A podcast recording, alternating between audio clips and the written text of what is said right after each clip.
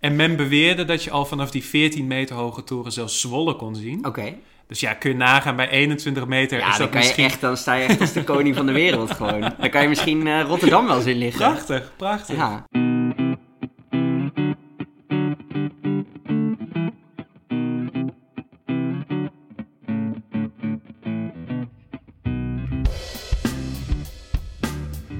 Welkom bij de Voor de Onschuld. Welkom Jamie. Welkom Jan Willem. En Welkom lieve luisteraars. we gaan het vandaag hebben over eh verpannenkoekisering. Dat is het woord van de week. Ja. Excuses, want ik blijf verpannenkoekisering zeggen. Als je dat zit er maar- gewoon in me, daar kan ik het niet meer uitkrijgen. Als je het maar wel met een N schrijft, dan vind ik het allemaal prima.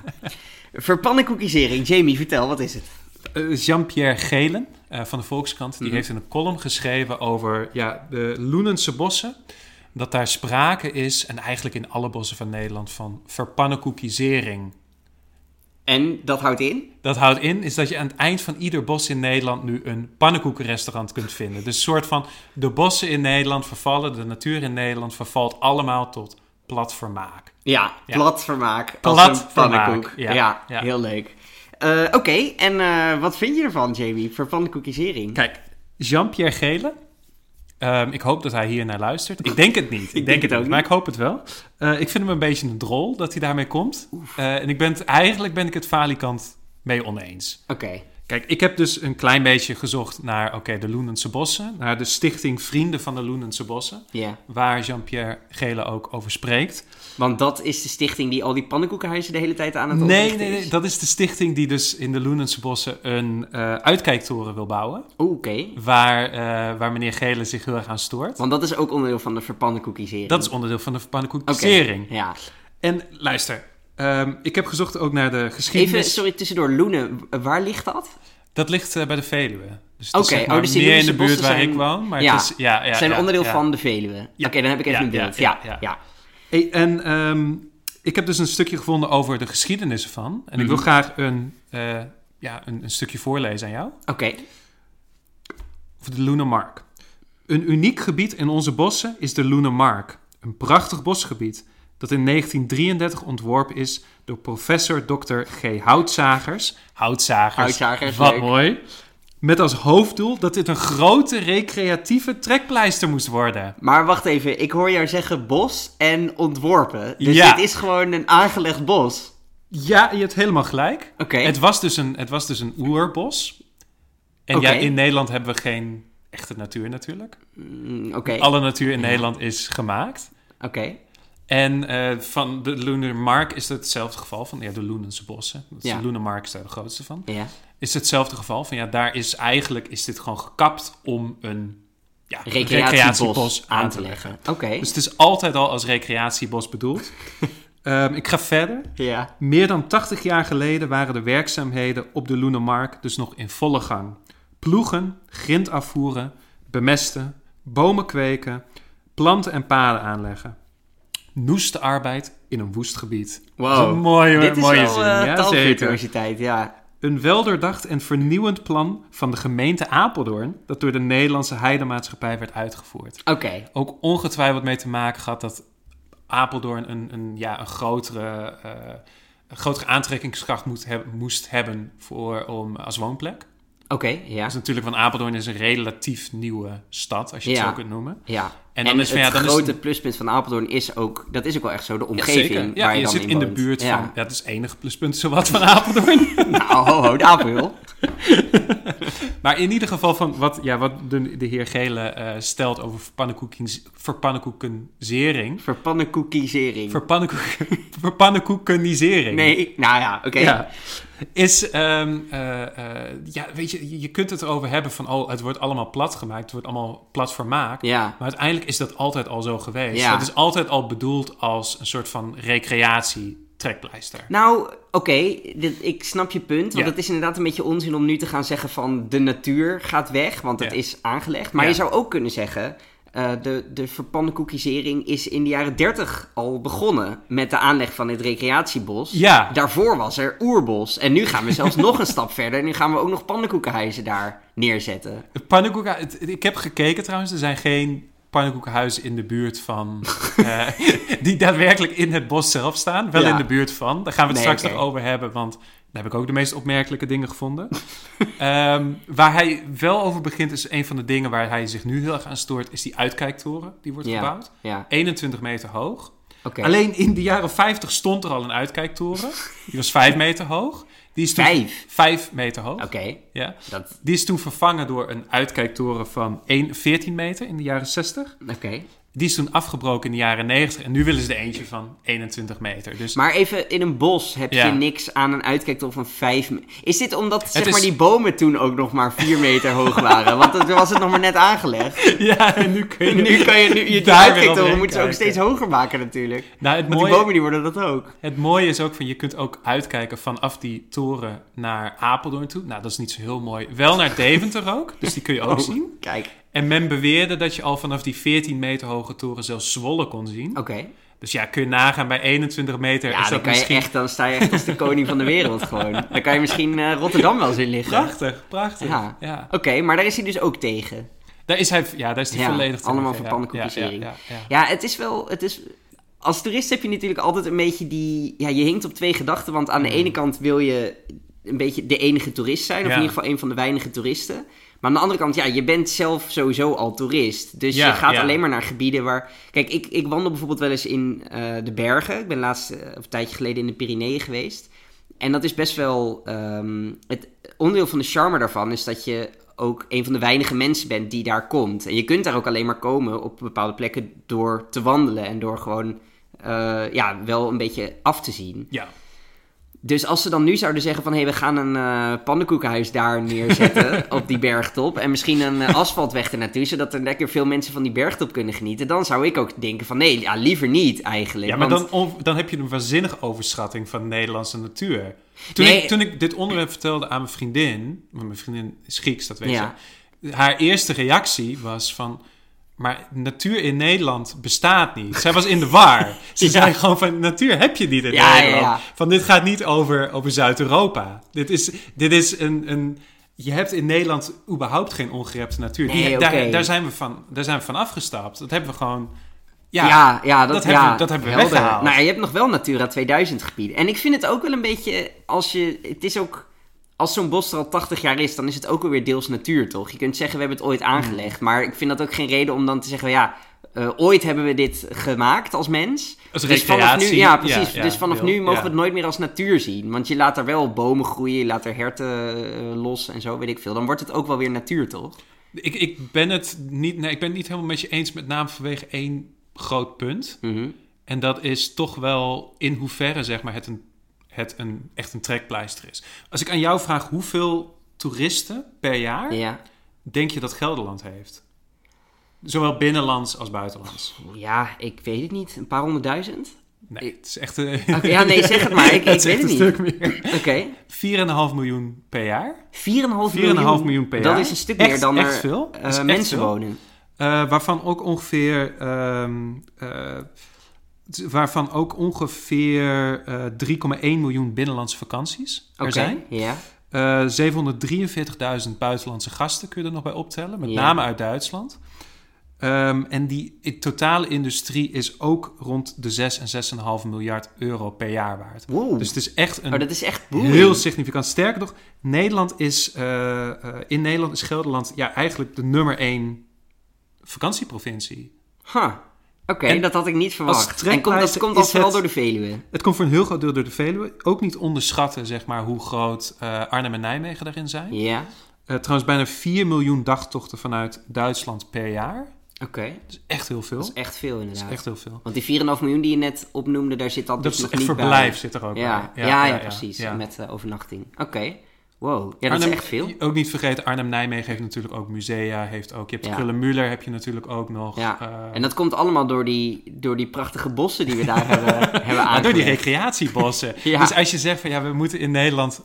Ah, je moet natuurlijk ook je toerisme-industrie beschermen. Want Ja, het is 1 op de 16 Gelderlanders werkt in het toerisme. oké. Ja. Ehm, en B, je wil natuurlijk ook dat de Randstad een beetje wordt wordt overgeslagen qua toerisme. Je hebt liever dat, Ja, dat, dat ja. iemand denkt van... nou, ik ga een week naar Nederland toe en ik doe Ik twee. Veluwe. Ik ga doe twee dagjes Amsterdam en de rest doe ik, doe ik op de Veluwe. Ja, want dat, is, veel leuker. Ja, dus het is eigenlijk goed om een beetje die pannenkoekenhuis als soort bliksemafleider voor Amsterdam eh, te gebruiken. Ja, en sterker nog, pannenkoekenhuizen. Ja, het mooie van een pannenkoekenhuis is natuurlijk... dat is voor het hele gezin. Zeker. Ja, ja. ja. Het is een beetje NIMBY-gedrag dan misschien van Jean-Pierre Gele. Want ja, Amsterdam heeft last van toeristen. En hij wil Ja. dat niet ook in zijn achtertuin hebben. Ja, maar hij schrijft voor de Volkskrant, dus... Hij zou ongetwijfeld, hij zou niet, ik Ja. denk niet dat hij in Gelderland woont. Ik Denk Geen eerder, idee, ja, eigenlijk ja, geen idee. Nee, maar het, het punt wat ik wilde maken, je, je loopt dan door de, door de. Pyreneeën en eh, als ze daar een weg zouden aanleggen, zou ik denken van ja, liever niet. Dus voor pannenkoekisering ben ik dan tegen bij de gebieden waar ik van geniet. Aan de andere kant, ik loop ook wel weer over een pad door, die, door die bergen heen. Dus het is niet zo dat ik eh, daarvan zou kunnen genieten als er helemaal niks werd gedaan. En dat pad is ook al een soort van lichte vorm van verpannenkoekisering. Ja, Dus, en ik denk dat dat eigenlijk ook een beetje geldt voor eh, Jean-Pierre Gele, die ongetwijfeld eh, graag door de Loenense bossen wandelt. Maar dat doet hij ook over een pad. Hij zal dat niet door dat oerbos gedaan hebben. Dus je- we willen eigenlijk allemaal precies het niveau van verpannenkoekisering, dat wij het zelf nog leuk Ja, vinden ja, om daar te zijn. Maar niet een nog hoger niveau, want dan komen er heel veel toeristen op af. En dan ben je niet meer de enige. ja. Terwijl bij die paden in de Loenense bossen waren misschien ook wel mensen die daarvan hebben gezegd van ja shit, ik, ik liep lekker door dat oerbos heen. Ja, En- dit is meer, de jaren 30 is het gekapt. Dus ik denk, Ja. weet je, ten tijde van, van de grote depressie was het meer van, ik, je komt daar gewoon zoek- om eten te om zoeken. te zoeken, je hebt geen nou ja, dan is een pannenkoekhuis op zich nog wel mooi. Dan kan je daar ook wel eten. Maar goed, hey, ik wil het even in iets bredere zin nog over de natuur hebben. Ja. Eh, ik las een artikel op eh, De Correspondent, een soort van eh, volkskrant on steroids. De Corrie, ja. De Corrie. En dat was getiteld De natuur, wat boeit het? Ik dacht, nou oké, Mm, lekker. Ja, ja, ja. En het ging over. eh, en je hebt natuurlijk vaak biologen die waarschuwen voor eh teleurgang van de natuur. Hè, dan. Door dit soort dingen, maar ook door, door weet ik veel CO2 of stikstof of eh, kan van alles zijn. Ehm, en dat is natuurlijk niet de bedoeling. Althans, een- er was een filosoof die reageerde erop en die zei van ja, waarom moeten we het eigenlijk erg vinden dat de Hmm. natuur eh, vergaat? ja. Ehm, en dat kun je wel erg vinden, maar maak dan in elk geval even duidelijk dat dat een soort van aanname is. Dat dat een soort van bias is die je hebt. En hij noemde dat biofilie. Hè, Biofilie. dus houden van de natuur. Ja. Prima, maar Ja. dat moet wel benoemd worden. moet je niet Mm, zomaar als, mm. als onbesproken aanname laten. Ja. Nou, en in reactie daarop kwam dus dit, dit correspondentartikel. En eh, daar werd eigenlijk werd een soort van opsomming gemaakt. Het was een beetje onderzoekend hoor.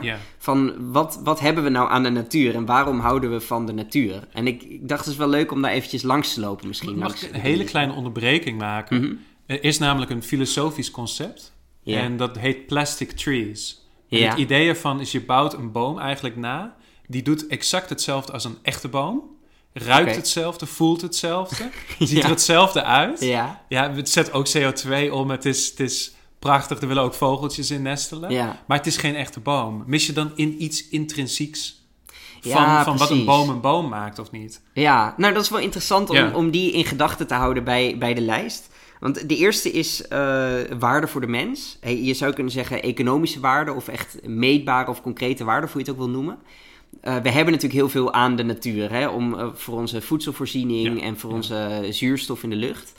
Ehm, en een belangrijk aspect daarvan is ook dat je vaak niet precies weet wat je daaraan hebt. Hmm. eh, totdat het wegvalt. En dan denk je van shit, het was misschien toch wel waardevol. Die You don't know what you've got till it's gone. Exact. Ja. They've, they've, pa- They've they paved paradise and put up Ja, a parking lot. ja, goede tekst is Mooi, dat, ja, hè? ja, ja. En ik denk dat die plastic tree... Joni Mitchell ken je wel. Oké, ga verder.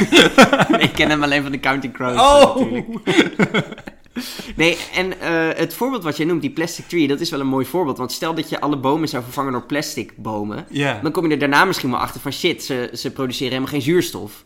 En als je dat ook ondervangt, dan is er misschien wel wat anders. En er zijn heel Ja. veel voorbeelden hiervan. En het is een beetje een extreem voorbeeld wil ik wel aandragen van eh, Mao... In Oh ja. de, bij de Chinese Ja. eh, grote stap voorwaarts. Ja. Die niet echt de grootste stap voorwaarts was. maar ja. ja. Een van de dingen die hij had bedacht is... Mussen hebben we heel veel last van. Want die mussen die eten een heleboel van ons graan op. Ja. Dus ze gingen alle mussen doodmaken. Ja. Dat hadden ze gedaan. En toen kwamen ze erachter dat die mussen niet alleen heel veel graan aten... maar ook heel veel insecten. Ja. Met name sprinkhanen. Sprinkhanen. Ja, ja, En ja, dus ja. kwam er het jaar daarna een gigantische sprinkhanenplaag. En hadden ze nog veel minder graan. Dus eigenlijk het, het doodmaken ja. van die mussen, waarvan ze het idee hadden van we temmen de natuur daarmee Ja. een beetje, hebben ze eigenlijk juist zichzelf enorm in de vingers gesneden. En dit is één voorbeeld, maar je ziet dit veel vaker. Dat, Ja. er dan, eh, dat de mens denkt van oké, we kunnen wel een bepaalde ingreep doen. Je Eh, ziet niet meteen alleen het causale effect Precies, van wat je doet. precies. Ja, ja. Dus je moet daar wel een beetje voorzichtig mee, eh, mee zijn als je de natuur wilt, eh, eh, wilt temmen, zeg maar, of wilt eh, inperken.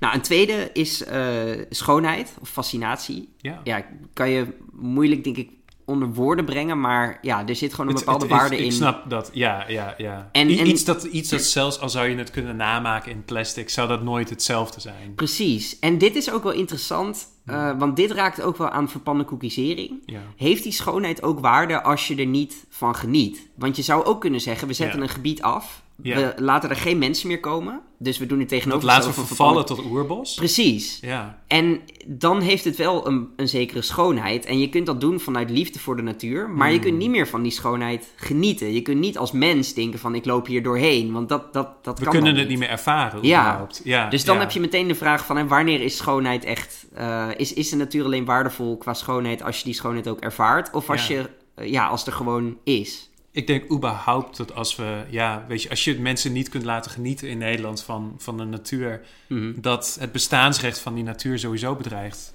raakt. Ja, je bedoelt ook om zeg maar politieke redenen. Ja, dat als mensen ja. niet meer door, de- door het bos kunnen wandelen, dat ze dan ook eh, de, de keer de- daarna een, een snelweg er doorheen ja, gaan aanleggen. Ja, Hm. Ja, dat is waar, ja. Dus misschien is die verpannenkoekisering wel heel goed voor de natuur. Ja. Want dan gaan mensen... Ja, hoewel het dus, Ja, zoals jij net zei, geen echte natuur is. Maar dan hebben in ieder geval mensen het idee dat ze genieten van de natuur. En gaan ze er ook weer meer van houden. Oké, de volgende is eh, symbolische waarde. ja. En eh, dat is namelijk de, de natuur weerspiegelt ook onze idealen. En dat zou je Hmm. bijna op een soort van religieuze manier kunnen zien. En als voorbeeld noemen ze bijvoorbeeld eh, trouw.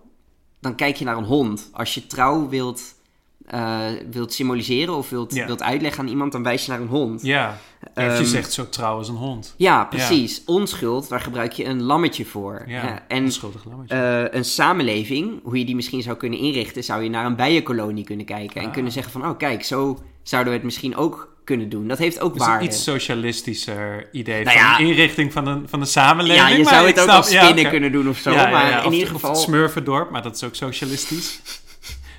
Ja, maar Ja. je zou naar bepaalde diersoorten of bepaalde aspecten van de natuur kunnen, kunnen kijken als een soort van voorbeeld. Een Ja. soort symbool Ja. van zo willen we het graag zien of zo willen we het graag niet zien. Dat zou natuurlijk ook kunnen.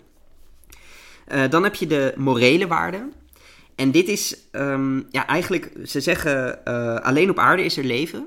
Dus we, hebben het, we kennen het hele heelal, of tenminste we kunnen, Ja. we kunnen rondkijken, maar de enige plek die we kennen is de aarde waar, Zover waar leven is. als dat we weten, is, is alleen Ja. hier bewustzijn. Dan is het een beetje arrogant om dan als één diersoort, want de mens is maar één diersoort, te denken van nou weet je wat, het maakt niet uit als we er een paar de kling over jagen. Ja. Als we denken van nou ja, laat die, eh, weet ik veel, die gevlekte pijlstijger maar zitten, want die boeit me niet.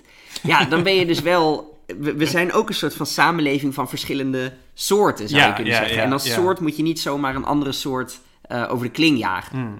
En dit vind ik wel Fair enough. ja. aan de andere kant ben ik ook wel geneigd om te zeggen: mensen zijn wel echt belangrijker dan, dan dieren. Oké. Ehm, maar ja, hoe, hoe ver je daar dan in mag gaan, dat, dat is wel eh, de vraag.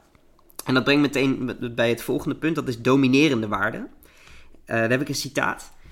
Er bestaat geen alomvattende oplossing voor het universele dilemma dat wij moeten doden om te kunnen leven. Hmm. En dit, is een, dit is een citaat van een eh, insectenbestrijder. En eh, die zegt van, hè, zelfs als je eh, een, een zuinig en bijvoorbeeld vegetarisch dieet doet, dan nog moeten er heel veel dieren doodgemaakt worden voor, voor jou eigenlijk. En Ja, dat kan ja. eigenlijk niet anders. Maar dan heeft hij het over, dan heeft hij het over bijen, Ja, insecten. ja, ja. ja, dus hij, ja. hij verdelgt dan sprinkhanen bijvoorbeeld. Oh ja, hij werkt ja. aan van die, van die eh gif-dingen.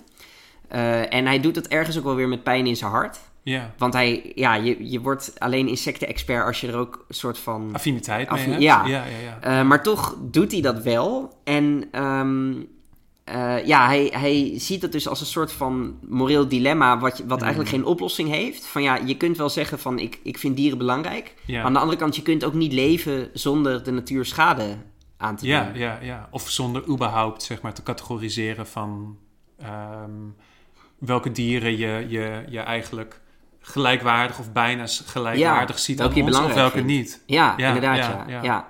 ja. Ehm, en die dominerende eh, waarde, daar zit ook een soort van verantwoordelijkheid Ja. bij. Dominantie levert ook verantwoordelijkheid op. Dat is ook een bijbels concept natuurlijk. Van de mens is soeverein over de flora en de fauna. Ja, ja, Ja, inderdaad. ja. Nou, en de laatste- Filosofische ineens, jeetje! Zeker. en de laatste Jongen. is eigenlijk de tegenhanger hiervan. Dat is namelijk de negatieve waarde. Die dominantie, die, die komt ook wel ergens vandaan. Want als wij niet domineren, dan domineert de natuur ons. Hmm. Ja.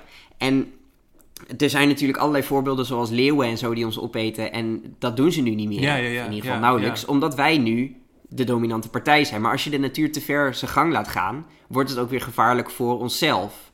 En ehm, een leeuw is een, een makkelijk voorbeeld, maar je hebt bijvoorbeeld ook de teek. Ja, ja. En ik zou eerlijk gezegd zelf, als ik de kans zou krijgen, als ik op een knop zou drukken die alle teken in één keer weg zou halen, dan zou ik dat denk ik doen. ja, En ja. dan, dat, dan heb ik wel die arrogantie om te zeggen van, eh, ik ben één diersoort die, die bepaalt voor de andere dat die weg moet. Ja, ja. Maar toch zou ik dan denken van ja, fuck teken gewoon. En met malaria-muggen heb ik hetzelfde. ja, van, ik het dan voelt nog zo wel... vernietigend dat je denkt, ja... Ja, ja, Ja. precies. En malaria-muggen zou ik nog wel een soort van in mijn achterhoofd hebben van misschien zie ik nu iets over het hoofd. Ben ik net als Mao bezig? Want muggen worden ook weer door vogels gegeten en zo, bla bla. Dat Ja. zou nog wel problemen Maar die kunnen... vogels krijgen dan ook malaria. Nou, ja, dat is dat hoe het werkt. Nee, maar ja, dat, dat, dat dominerende, dat heeft ook wel een soort van moeten in zich. Want als we dat niet doen, ja, dan, dan domineert de natuur ons. Ik wil daar nog wel een kleine kanttekening tegenover zetten. Want Mhm. je hebt in, eh, in Apeldoorn heb je een, een hele mooie, bij de Apenhul in de buurt, heb je een hele mooie uitkijktoren, hebben ze die ook gebouwd. Want ik Ook was van op z'n- ik 21 was meter hoog. Net ietsje kleiner. Mhm. Ehm, of, of nee, sorry, of hij is 24 meter, of hij is net iets groter zelfs. En eh, dat is dus ja, wel een duidelijk voorbeeld van hoe wij de natuur temmen. Ja. Maar daar is dus wel iemand van afgevallen. Dus je hebt soms ook wel Ah. de tegenovergestelde werking van dat de natuur soms veiliger is dan wat wij ervoor in de plaats eh, ja, zetten. ja, inderdaad, ja. ja. Maar uit een boom kun je ook vallen natuurlijk. Ja, uiteraard. Ja, daar klim je misschien ja, minder ja, snel in. ja. Nou ja, dus dat, eh, ja, de, de waarde van de natuur. Ja. Ehm, Ik wil nog één dingetje kwijt trouwens. Want ik, ik heb dus eh, gezocht echt naar pannenkoekenhuizen in de buurt van de Veluwe. Ja. Ik bedoel, als hij over de Veluwe begint, dan zoek ik naar pannenkoekenhuizen Ja. daar. Ehm, je- in de Veluwe zelf heb je niet echt pannenkoekenhuizen. Eromheen heb je natuurlijk wel pannenkoekenhuizen. ja. En ik kwam eh, tot ja, eigenlijk een andere soort van verpannenkoekisering. Oké, vertel. En wat ik eigenlijk veel erger vind dan de verpannenkoekisering van de natuur. En dat is de verpannenkoekisering van alledaagse gerechten tot een pannenkoek. Ah, Dus- oké, je hebt het nu zeg maar over Ja. de Egyptische pannenkoek en de, Kijk. de Griekse pannenkoek en dat soort dingen die je dan in zo'n pannenkoekrestaurant kan krijgen. Ik heb een paar hele, hele, hele gore pannenkoeken eh, voorbij zien komen. Heleboel bizarre pannenkoeken. Ja. Ehm, ik wil er een paar voor je opnoemen. Oké. Eh, dit is echt op basis van twee, drie restaurants die ik heb gevonden in de buurt van de Veluwe. Ja, Eh, de eerste is de rendang pannenkoek. oké.